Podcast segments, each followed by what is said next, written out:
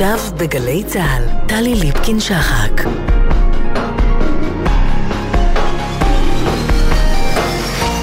ערב טוב. לציון 27 שנה לרצח ראש הממשלה יצחק רבין, זיכרונו לברכה, אנו מביאים בשידור נוסף את התוכנית לאחי ליצחק, בה שוחחה טלי ליפקין-שחק עם אחותו רחל רבין יעקב. התוכנית שודרה לראשונה בנובמבר 2005, במלאת עשור לרצח. לאחי ליצחק במלאת עשור לרצח, רחל רבין יעקב מעלה זיכרונות מחיי משפחה בשיחה עם טלי ליפקין-שחק. עורכת יפעת מור. שלום לכם. כשיצחק רבין נרצח, הוא השאיר אחריו ציבור שלם, אחוז תדהמה וכאב. הוא השאיר אחריו חברים אוהבים ורעים, לבילוי, לעמדה ולנשק. והוא השאיר אחריו משפחה מיותמת מבעל, מאב ומסב, ומאח. רחל רבין יעקב, אחותו הקטנה של יצחק רבין, דומה לו בתווי הפנים, בחיתוך הדיבור האיטי, במגע היד הרך. רחל חסרה את יצחק. שלום רחל רבין יעקב. שלום טלי. תחזרי איתי בבקשה לשבת, 4 בנובמבר 1995, לעת ערב, לעת ליל.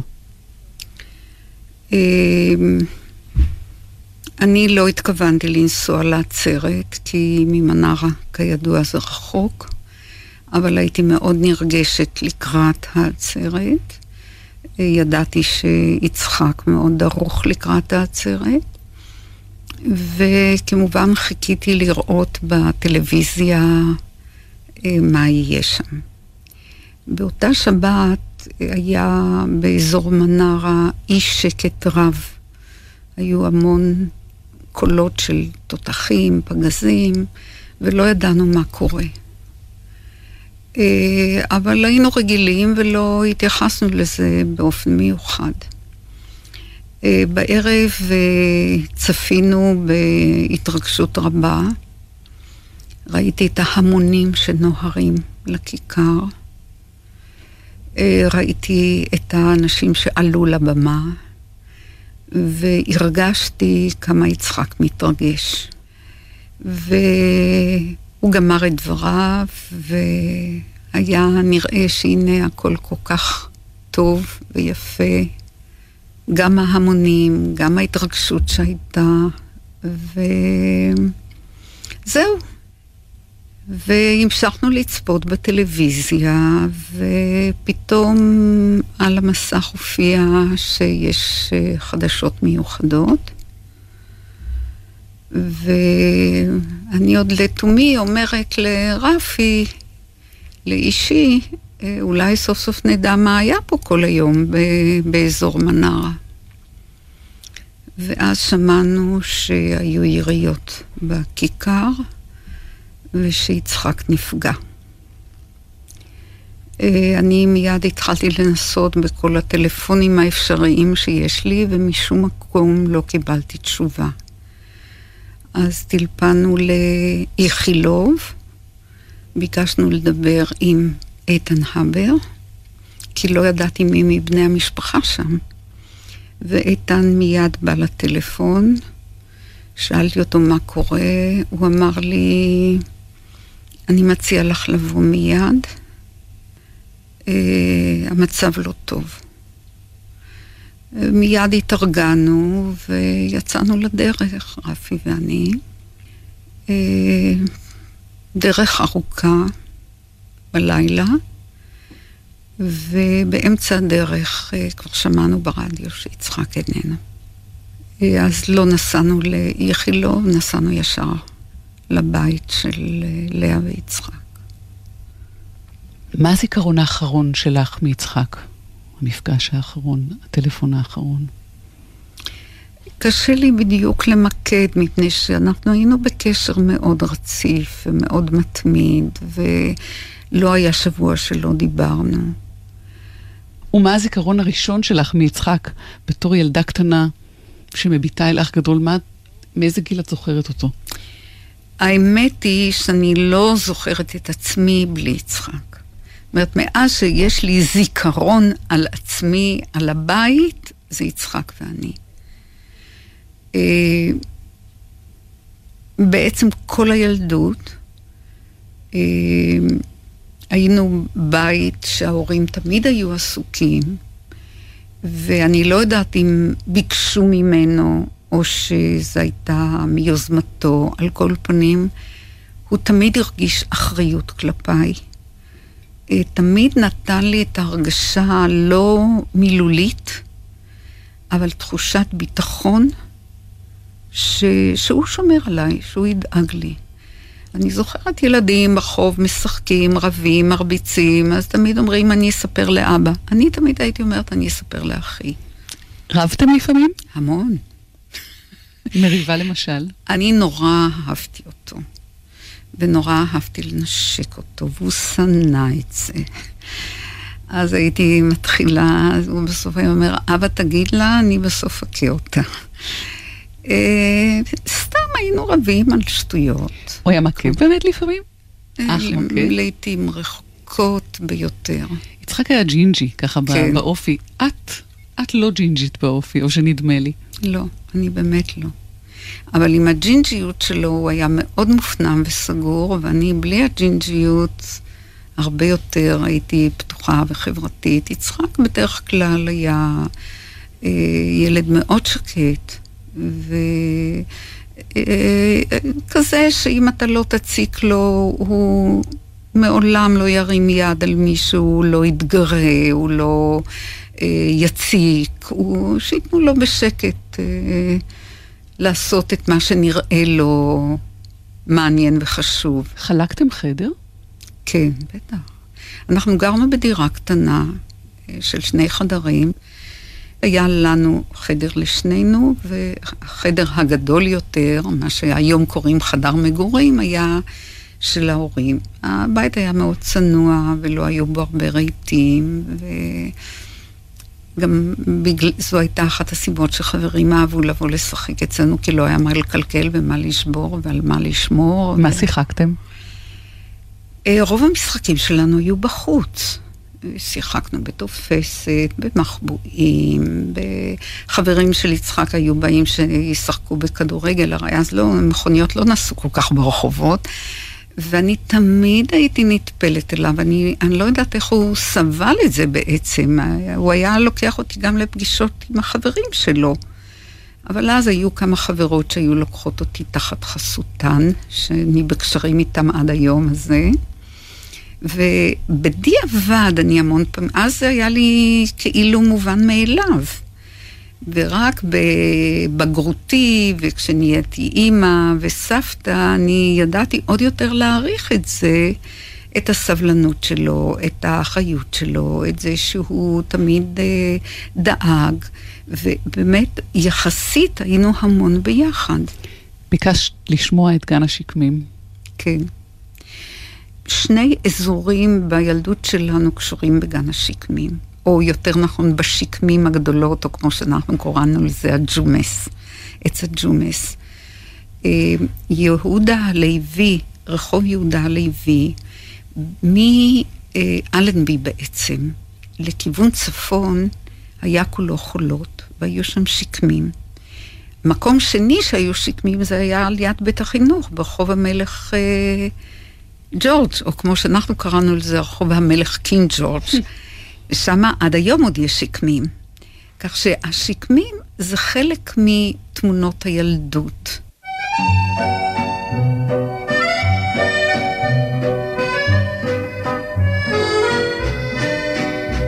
היו, היו כאן פעם שקמים, חולות מסביב וגם נוף. העיר תל אביב של אותם הימים, הייתה בית בודד על החוף. ויש לפעמים נערכו ישיבות מתחת שקמים אז בצל.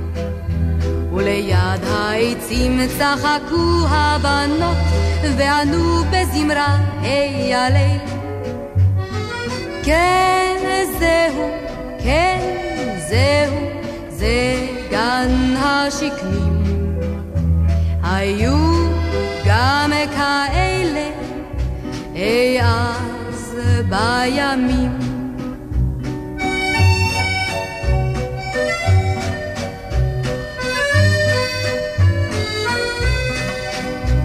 גידלה תל אביב מסביב הפרברים, הכל בתוכנן ונבדק. נבנו בכבישים, נשכחו השקמים, והלבין אז ראשם מאבק. הכל כאן נבנה בקצבו של הדור, חנויות ובתי שחקים. אך אם רק נפנה מבטנו אחור, ניזכר בשקמים ירוקים. כן, זהו, כן, זהו, זה גן השקמים.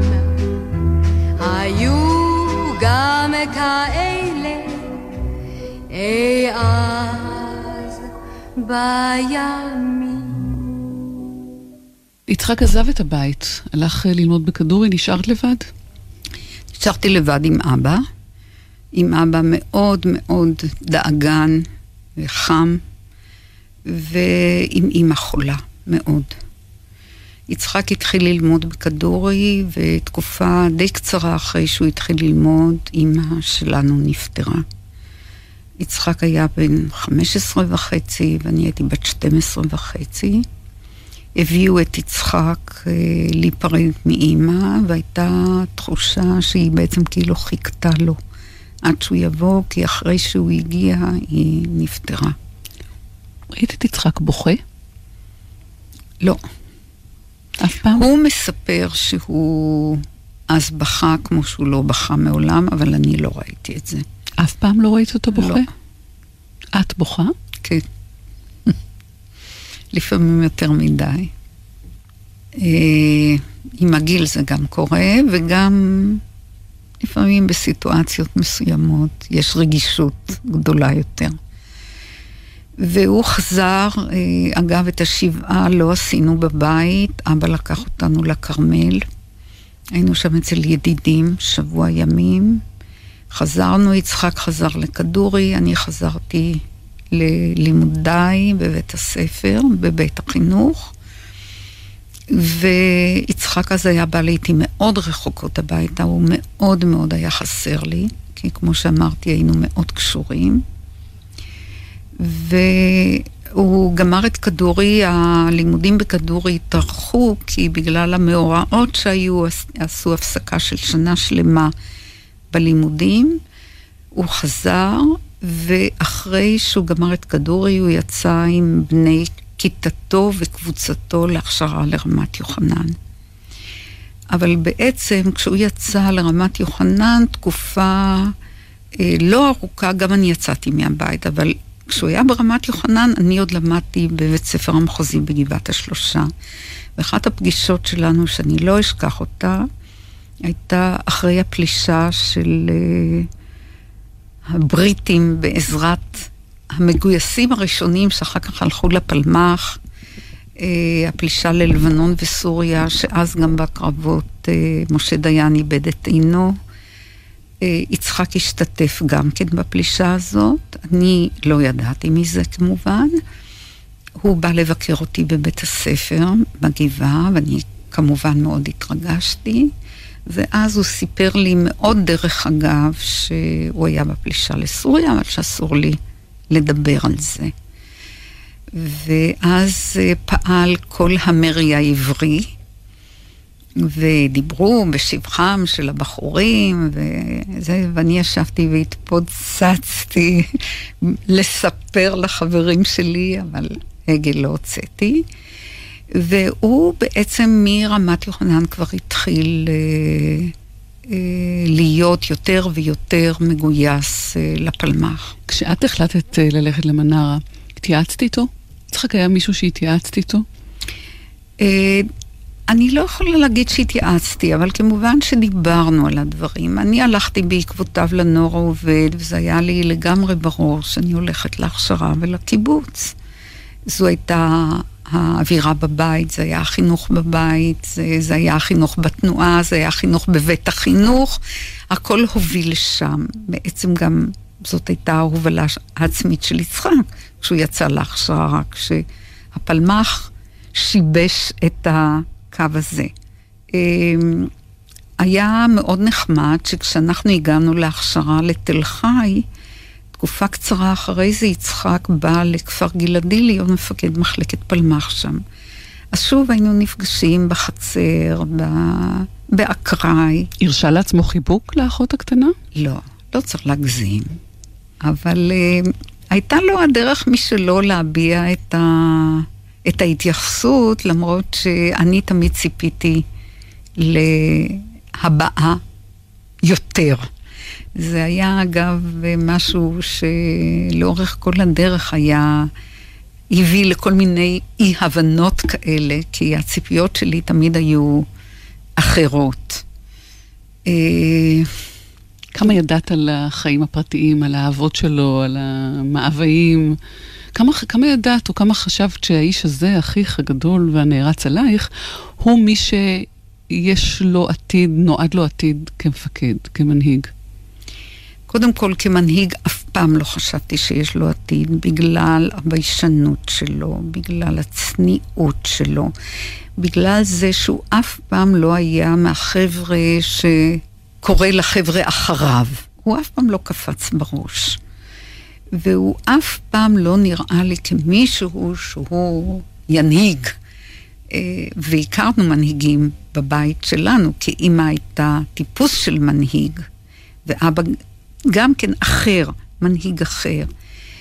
אה, מפקד מההתחלה, גם כשכבר הגעתי לתל חי, לכפר גלעדי, הוא כבר היה מפקד מחלקה, זה היה משהו מאוד אה, משמעותי בימים ההם, ודי מהר הוא עלה בדרגה, הוא נהיה מדריך גדודי, ואני תמיד מאוד האמנתי בו, תמיד הערכתי את היכולות שלו, אבל אף פעם לא בכיוון הזה של מנהיגות, וודאי לא מנהיגות פוליטית. ועל חייו הפרטיים, מה ידעת? על אהבותיו, על הנשים, על הנערות?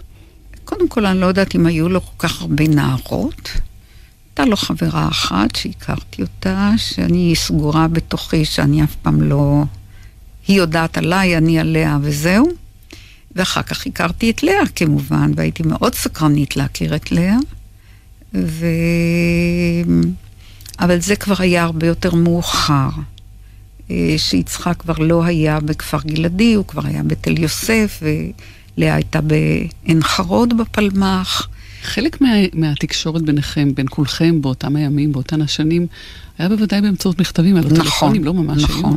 נכון. וזה מאוד מעניין שהמכתבים של יצחק אה, לא היו רבים. אבל הסגנון שלהם היה נורא מיוחד ומאוד לא מתאים לאופי כפי שמכירים את יצחק. Uh, במיוחד הוא כתב לי הרבה כשהוא היה עם הגבס בבית והרגיש נורא אומלל, וגם התייחס ככה קצת בציניות למצב שלו, כמו שהוא גם היה לא פעם מסיים במכתב, אחיך צולע, או... Uh, אז הוא כתב באמת הרבה מכתבים, ו... תיאר לי ככה, שיתף אותי במה שעובר עליו, גם בטיפולים וגם בבית. ו... דאגת לו בפלמ"ח? דאגת לו לעת מבצעים ופעולות? אני תמיד דאגתי לו, באמת. תמיד דאגתי לו, ו... היה ביניכם ל... איזה הסכם להודעה, אני לא, בסדר? לא, כי גם לא היה איך להודיע, לא היה לנו טלפון. אה, למשל, כשהיה לו ה... הייתה התאונה הזאת שהוא שבר את הרגל. אז uh, אני באותו בוקר uh, אמרתי לחברה שלי, מנרה, אני לא יודעת, יש לי הרגשה שקרה משהו ליצחק. אז היא אומרת לי, מה את מכניסה לך בראש? אני אומרת לה, אני לא יודעת להסביר לך, אבל... איזה שנה זה רחל? 46. וה... דואר הגיע למנרה, וההודעות על ידי, היה לנו חבר שהוא היה מוביל פרידה, היה יורד בבוקר לכפר גלעדי, מביא דבר, כביסה לכבס, ומביא משם דברים, וגם דואר. וכשהוא חזר, מישהו אומר לי, הוא מחפש אותך. הכינוי שלו היה סטלין. אז הוא אומר לי, סטלין מחפש אותך. אני ניגשתי אליו, אני אומרת לו, מה קרה ליצחק? אז הוא אומר, מאיפה את יודעת כבר שקרה לו משהו? אמרתי לו, אני הרגשתי. לא היה בך תסכול שאת לא יכולה להיות בפלמ"ח, זאת אומרת, אותה הילה שהייתה לעשייה הצבאית של הבנים והבחורות? תראי, יכול להיות שלא הייתה לי את ה... לא היה לי התסכול הזה, משום שעוד לפני שעלו למנרה, פנו אליי אם אני מוכנה ללכת לקורס אלחוט. ויצאתי לקורס אלחוט שהוא היה משותף לפלמ"ח ולהגנה ולחיש ולכולם. והייתי עם עוד חבר מנרה, וכשגמרנו את הקורס הקימו תחנת אלחוט במנרה. וזה היה תפקיד אה, חשוב ואחראי ממדרגה ראשונה.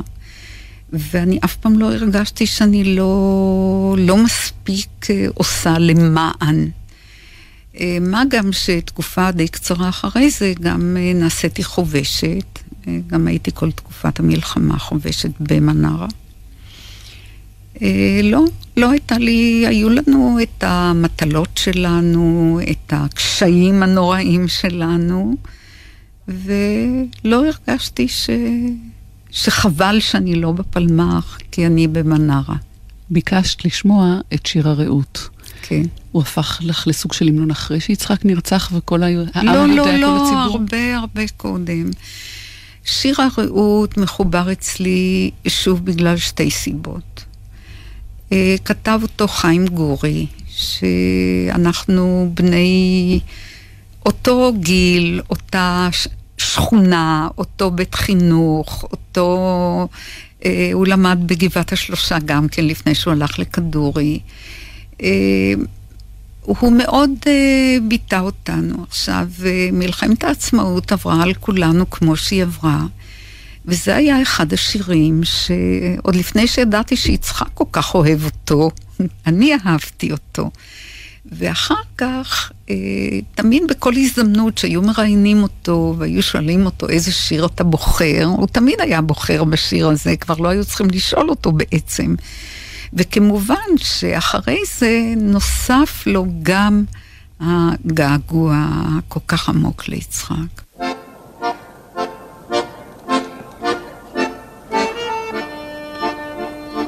על הנגב יורד ליל הסתר, ומצית כוכבים חרש חרש, את הרוח חולף על הסף, עננים מהלכים על הדרך. כבר שנה לא הרגשנו כמעט איך עברו הזמנים בשדותינו כבר שנה ונותרנו מעט. ברבים שאינם כבר בינינו אך נזכור את כולם את יפי הבלורית והתואר כי רעות שכזאת לעולם לא תיתן את ליבנו לשכוח. אהבה מקודשת בדם, את תשובי בינינו לפרוח.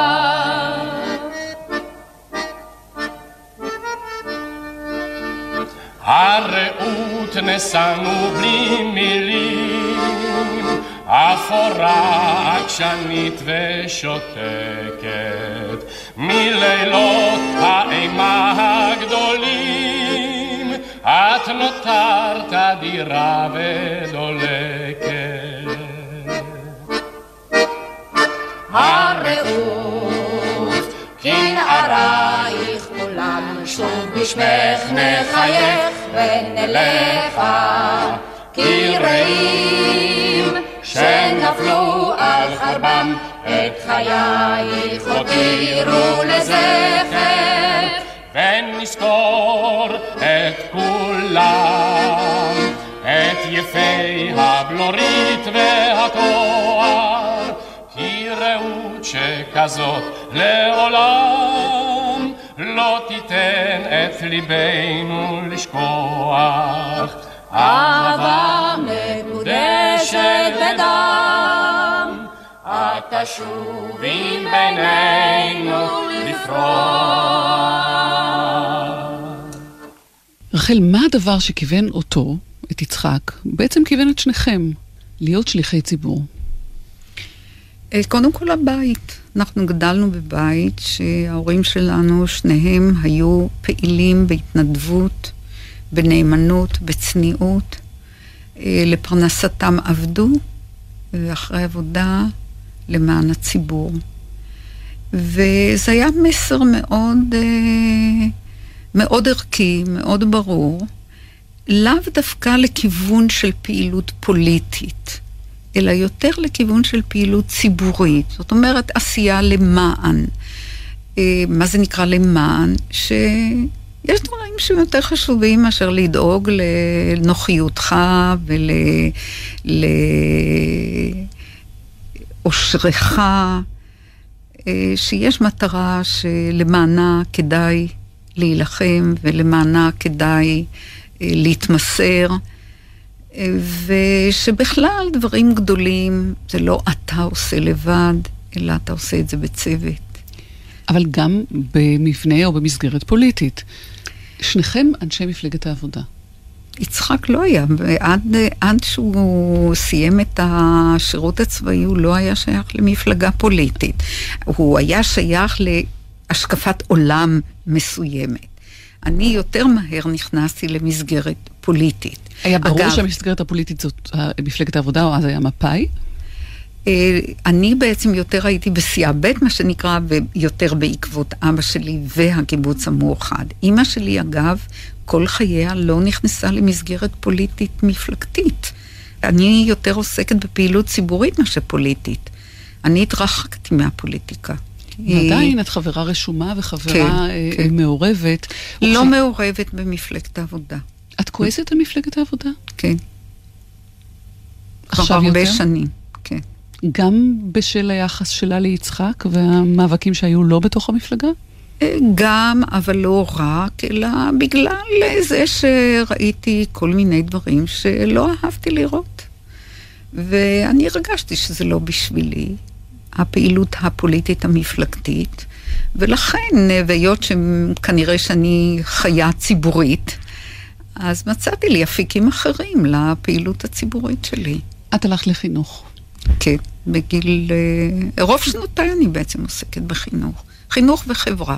לא אה, אחרי כל השנים האלה מרגישה שזאת לכל הפחות עבודה סיזיפית, אם לא למטה מזה. לא. את רואה ברכה בעמלך?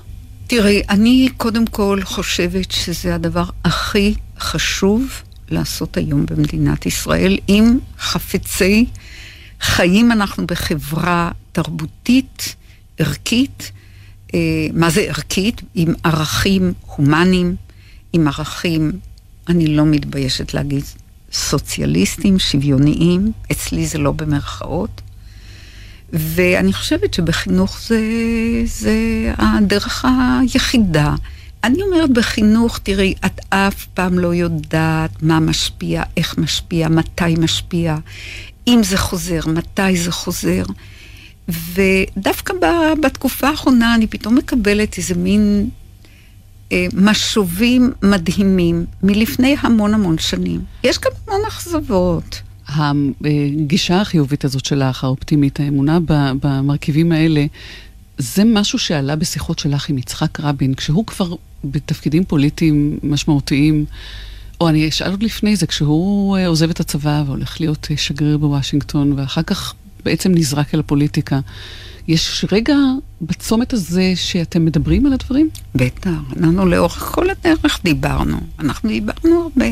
אני למשל, אני זוכרת כשהוא בא וסיפר שהוא, שהוא ביקש להיות שגריר בארצות הברית. אמרתי לו, אתה השתגעת, מה אתה תעשה שם בקוקטיילים האלה? אז הוא אומר לי, אם את חושבת שלהיות uh, שגריר זה קוקטיילים, אז את טועה, את לא מבינה מה זה נקרא להיות שגריר. ו... אחר כך אנחנו, הוא כל הזמן ביקש שנבוא לבקר אותו. ואבא, אחרי שיצחק נסע מתל אביב, לא הסכמנו שהוא יישאר לבד. אבא נשאר לבד אחרי מותה של אימא כל השנים. ושכנענו אותו שהוא יבוא לגור איתנו במנרה. ויצחק כל פעם היה בא, כשהוא הגיע ארצה הוא תמיד היה בא לבקר במנרה. והוא כל הזמן אמר, תבואו לבקר. אמרתי, אני לא השארתי את אבא יום אחד לבד במנרה, כל השנים שהוא היה. ואחרי שהוא נפטר, אז נסענו לארצות הברית. ואז פעם ראשונה ראיתי את יצחק לא במיליה המוכר בצהלה ובצה"ל. ומאוד התרשמתי, והוא הוא פשוט יצא מכליו לארח אותנו ולהראות לנו, ואמרתי לו, אז יצחק, אם לא תהיה לך פרנסה, אתה מדריך תיירים מעולה.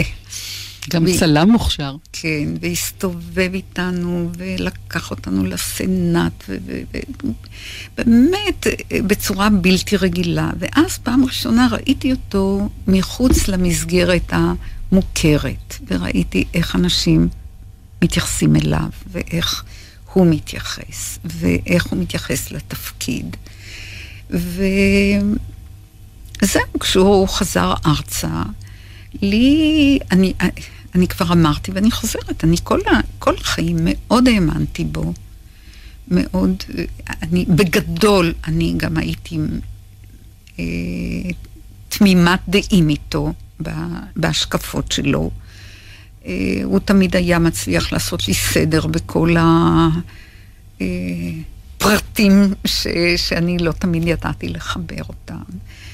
ואני קצת חוזרת על עצמי בדברים, אני אומרת שחיים במקום כמו מנרה, שהפוליטיקה יש לה משמעות בחיי היומיום שלנו.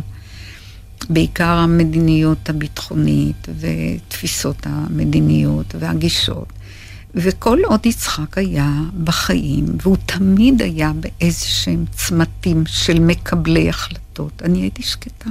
כשאת מדברת על חשיבות החינוך ועל החברה שאת רואה כחברה האידילית וה... וה... לא אידילית, אבל יותר, אבל יותר חיובית, עם, עם נורמות התנהגות אחרות. האתגרים האלה הם אלה שאת חושבת או הרגשת יצחק רואה לנגד עיניו כשהוא מנהיג את המדינה? או שהיה צריך גם לדפוק לו על הכתף ולהגיד לו, שים לב, הדברים האלה מוזנחים וגם בהם צריך לטפל? תראי, אני... הרבה עצות לא נתתי לו, כי אני לא חשבתי שאני צריכה לתת לו עצות, אבל, אבל אה, בשיחות כמובן היינו גלוי, גלויים, אה, דווקא אני התייעצתי איתו כמה פעמים כשהייתי בפרשות דרכים והייתי צריכה לקבל החלטות, כן הייתי מתייעצת איתו. וגם מקבלת את עצתו? אה, הוא מאוד היה מסויג מלתת עצות, להגיד תעשי ככה, תעשי ככה. היה אומר מה, איך הוא רואה את זה מהצד החיובי. לדוגמה, כשאני רציתי לרוץ לראשות המועצה האזורית גליל עליון, ומאוד התלבטתי, אז אה, ניסה להגיד לי את היתרונות, החסרונות, איך הוא רואה את זה. הוא לא אמר לי, תעשי ככה, תעשי ככה. אף פעם לא. אני זוכרת שאני אמרתי לו, כשהוא פעם ראשונה היה ראש ממשלה, אמרתי לו, יצחק, תראה, אתה חי לך ב... איפשהו מנותק קצת מההוויה היומיומית. קח את עצמך פעם, תיכנס לאוטובוס, תיסע באוטובוס בעיר, תראה איך זה. איך אנשים נדחפים, כמה חם להם בתוך האוטובוס. אה, הוא לא קיבל את זה, הוא חשב שזה מין אה, אה, פוזה, כן, זה לעשות פוזה. או למשל, פעם אחת אני זוכרת, ואז הוא כן קיבל את עצתי. אנחנו היינו בירושלים, אני ישנתי בבית ראש הממשלה, ברק היה אז רמטכ"ל, ובבוקר אה, קמנו והוא אמר לי שמאוד שמח באזור שלנו, שכל האנשים במקלטים, ושלא יוצאים לבית ספר, ו... ואז אמרתי לו, תראה יצחק, אה, תחשבו טוב. לפני שאתם מכניסים את האנשים יותר מדי למקלטים. כי אחד הדברים שהכי חשובים זה שמירה על השגרה. ועם כל הפחדים ועם כל זה אנחנו מאורגנים ככה שאם מכניסים את האנשים יותר מדי למקלט, אז אה, זה כמו שהגששים אמרו, אז הוא עוד במקלט. ותשקלו את זה, תחשבו היטב אם, אה, אם חשש שמא יהיה משהו. אני לא מדברת כשקורה משהו. ולשמחתי הוא אז אה, באמת שקל והתייעצו, והוא אחר כך הודיע לי שהודיעו שיצאו מהמקלטים. היו ליצחק רבין שנים של מדבר פוליטי. כן. גם הרבה שנים של עלבון פוליטי. כן. החל מפרשת הדולרים, שאיך את הרגשת כלפיה? נורא. כאבת את כאבו? תראי, אני הרגשתי נורא מפני שלא, מפני שאני חשבתי שזה לא היה חכם מה שהם עשו, לא חכם, לא זהיר. אה, כי יצחק תמיד נורא הקפיד אה, להיות בסדר, מה שנקרא. כעסת עליה? לא, לא, זה לא היה עניין של כעס, אבל זה הוצא מכל פרופורציה. זה היה כסף שלהם, זה לא כסף שהם לקחו ממישהו, זה לא היו סכומים שבכלל... אה, איך אומרים, היום לא, לא מביטים על זה בכלל.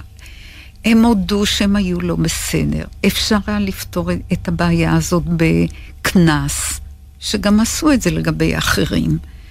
ואני הרגשתי שפשוט מישהו מעוניין פה, אם להגיד בשפה לא יפה, ללכלך ולפגוע. ואיך שהוא התנהג, זה היה כמו שאני ציפיתי שהוא יתנהג. במצבים כאלה הוא היה פתוח לקבל יד אה, מלטפת ממך? לא. מילה טובה כן, אבל לא... לא יותר מדי. כי יצחק חשב בכלל שבן אדם צריך להתמודד עם הבעיות שלו. כי התכתבנו אז, והוא גם מזכיר את זה באיזשהו משפט כזה, שלכל אחד יש את הפקלה שלו, והוא צריך אה, להסתדר עם זה. למרות שהוא לאחרים מאוד עזר, והבין אה, והזדהה עם מצוקות של אנשים. יכול להיות שחלק מהרגישות של יצחק בעניין הזה דווקא נובעת מהשירות הצבאי ארוך השנים. איך את חושבת... זה בטוח. איך את חושבת הוא הרגיש אה, כשהוא חזר מארצות הברית, פרצה מלחמת יום הכיפורים, והוא בין לבין? נכון, הוא, הוא בלי כלום. בלי אחריות ובלי תפקיד ו... והקטסטרופה לנגד עינינו. כן, וגם הקטסטרופות המשפחתיות, שבמקרה הזה היו שלי, שגם שלו. זה התחיל מזה שהבן שלנו יפתח נפצע מאוד קשה, ויצחק בעצם הגיע אליו עוד לפני שאנחנו הגענו ממנרה, כי הודיעו לנו באותו זמן, לו ולנו. וכעבור אה, ארבעה ימים אחרי שהבן שלנו נפצע, בן מאומץ שלנו נפל בגולן. ואת זה באמת שמענו מלאה ודליה שבאו לספר לנו. ואני חושבת שהוא מצד אחד כשהוא מחוץ לכל תפקיד, ומצד שני כשהוא רואה מה עובר עליי. אה, כשאנחנו הגענו לבית חולים, זה היה ערב שמחת תורה. אז הוא שאל אותי דבר ראשון, מה, מה אני יכול לעזור לך?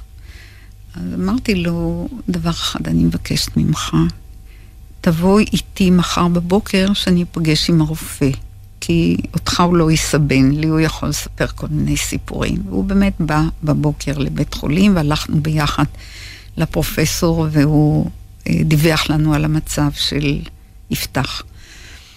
וגם היציאה הראשונה מבית חולים שלו, שלקחנו אותו עם כיסא גלגלים, היה לצהלה ללאה ויצחק. אחרי שנפל הבן, המאומץ שלנו, שהיה איתנו במשפחה 20 שנה, הוא כבר היה אבא לשני ילדים, זה היה מאוד מאוד קשה. ו... ככה שהוא בעצם חווה את הכאבים גם על ידי אה, ההשתתפות, ההזדהות איתנו ועם עם בנים של חברים מאוד קרובים שלו שנפלו, עם הבן של אה, מוסי גדרון ו- ועוד שכנים בצהלה. ו... זה היה כאילו המשך של אותה שרשרת ממלחמת העצמאות, שאז היו החברים שלו ועכשיו זה הבנים. זה אולי רגע שבו הוא ידע שהוא מוכרח להמשיך ולעשות משהו כדי להשפיע על העתיד של המדינה? אני חושבת שההחלטה הזאת גמלה בו הרבה קודם. ברגע שכשהוא עזב את הצבא, הוא יחליט שהוא צריך לפעול, לממש את ההצלחות הצבאיות לתוצאות מדיניות, הוא קבע את דרכו כבר. אני לא חושבת שאי פעם עלה בראש שלו המושג הזה לעשות לביתי. זה, זה לא היה במושגים שלו, במחשבות שלו. הוא כולו היה נתון למה הוא יכול לעשות, והוא האמין שהוא יכול לעשות, כדי שבמדינת ישראל יהיה יותר טוב. ביקשת רחל לשמוע את לו יהי. ביקשתי לשמוע את לו יהי, כי זה בשבילי היה השיר הראשון שהושמע תוך כדי מלחמת יום הכיפורים. ובהתחלה זה בכלל הרגשתי שזה בעצם שיר העצב האישי שלי על הנפילה של הבן המאומץ שלנו. ובהתחלה הייתי שומעת את השיר, הייתי מתחילה לבכות תמיד. עכשיו אני גם כן עוד מעט אתחיל לבכות. ומאז, כשאני שומעת את השיר הזה, אני חוזרת לתקופה ההיא. עוד יש מפרש לבן באופק מול ענן שחור כבד, כל שנבקש לו יהי. ואם בחלונות הערב אור נרות החג רועד, כל שנבקש לו יהי. לו יהי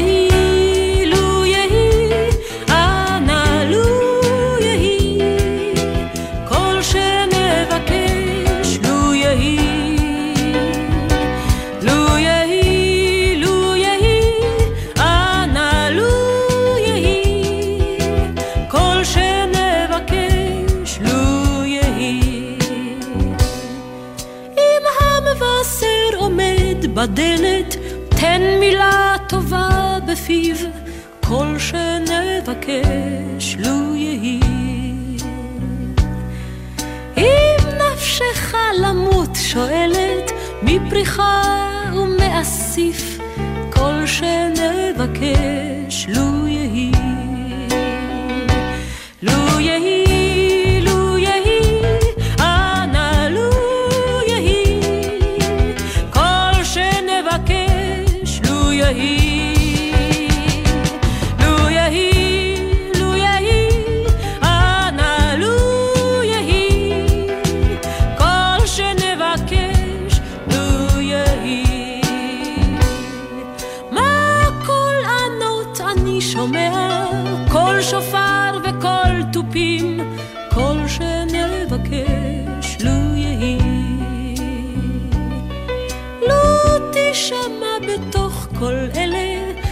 תפילה אחת מפי, כל שנבקש לו יהי.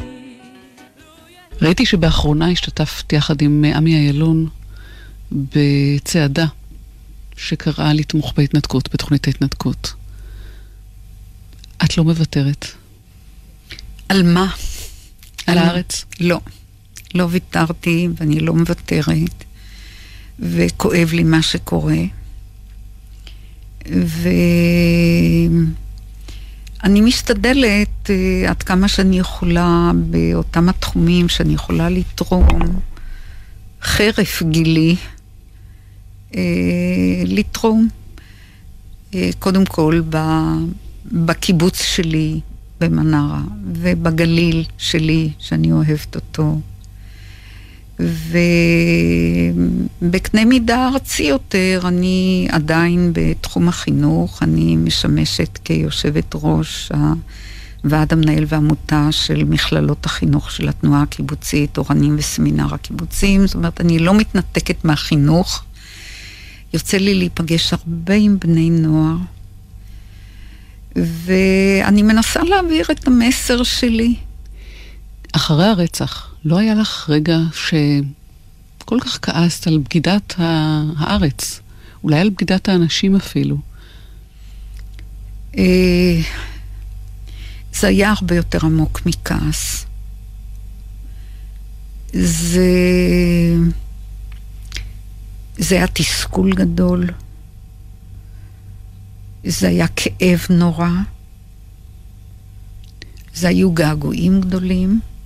וכעס על זה שאנשים לא קראו את הכתובות על הקיר. אני מאוד מאוד מאוד פחדתי שיקרה מה שקרה. ופחדתי שאנשים ששורפים ספרים ואנשים ששורפים בובות ושרפו את הבובה של יצחק יחד עם הבובה של ערפאת. אני חששתי שאנשים כאלה גם יכולים לשרוף אנשים חיים. ובסוכות, לפני, זה היה אולי שבועיים לפני הרצח, אה, הייתה סוכה בבית התק"ם בדובנוב 10, ואני ישבתי שם, הייתי מאוד uh, מתוחה ונרגזת.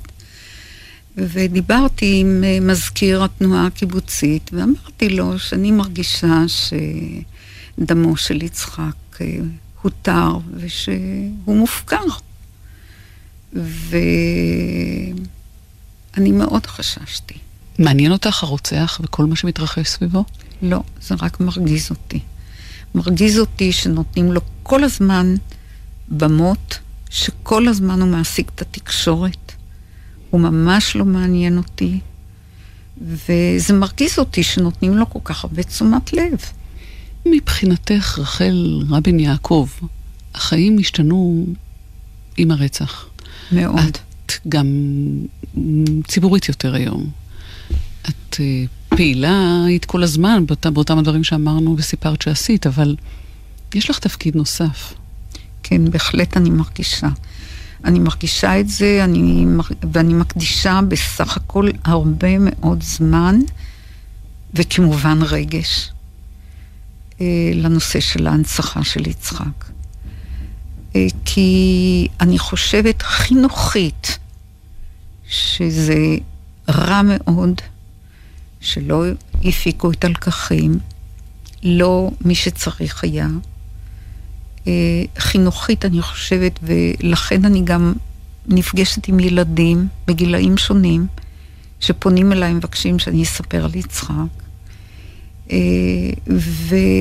ואני מוכרחה להגיד שאין פעם, ואני לא מגזימה, שאני יוצאת ממנרה, לא משנה לאן, או לקריית שמונה, או לכל מקום אחר, שאנשים לא מזהים אותי בגלל זה שנחשפתי כל כך בטלוויזיה, מזהים אותי, מדברים אליי, יש כאלה שנותנים חיבוק, יש כאלה שמוחאים אה, דמעה, יש כאלה שרק אומרים מילה, ויש כאלה שמספרים סיפור.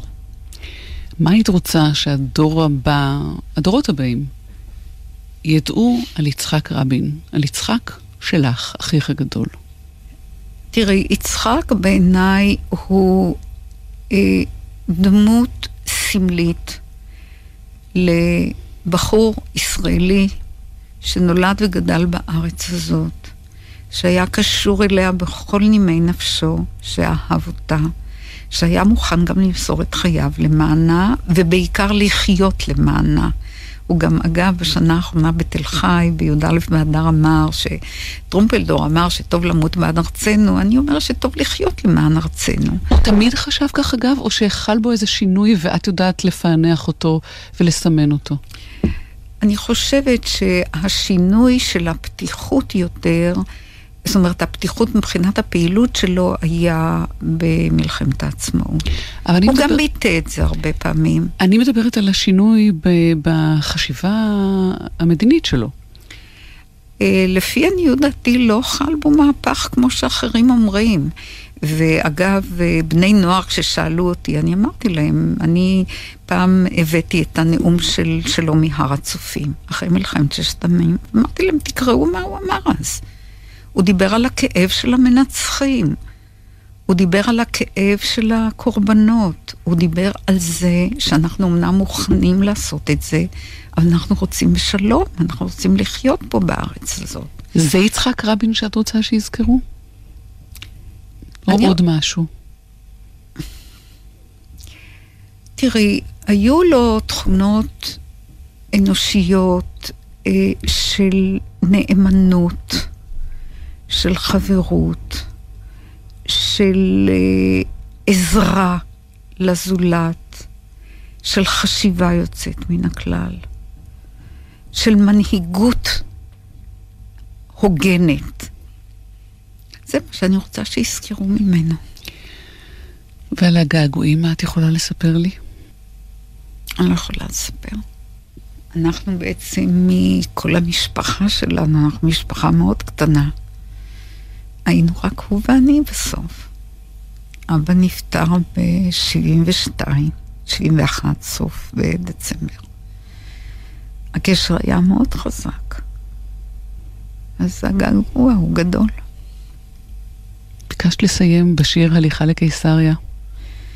כן, שאחרי הכל אני מצפה לתפילת האדם, שיעשה את הדברים הנכונים, גם כשהם קשים וגם כשהם טובים, שלא ייגמר לעולם.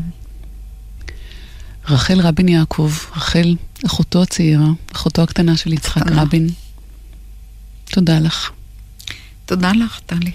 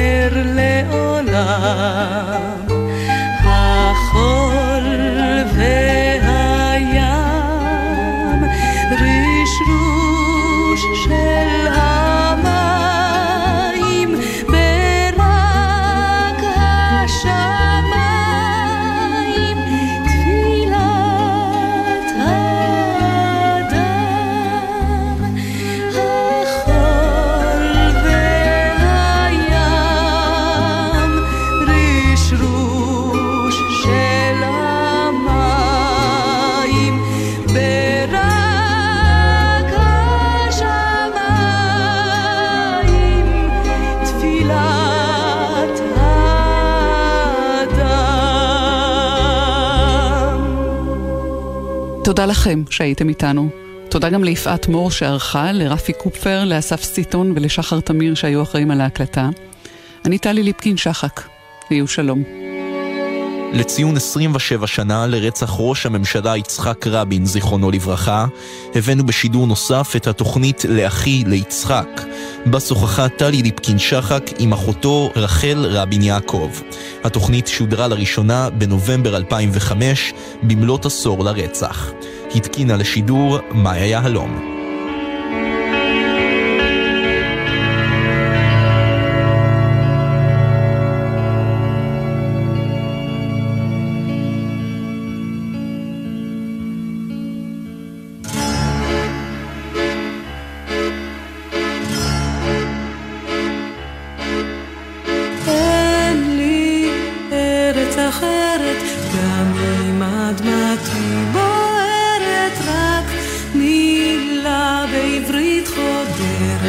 אלוהי אל נשמתי בגוף כואב, בלב רעב, כאן הוא ביתי.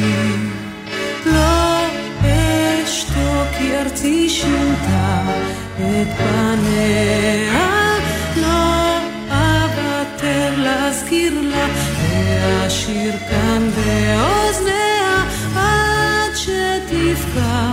het me.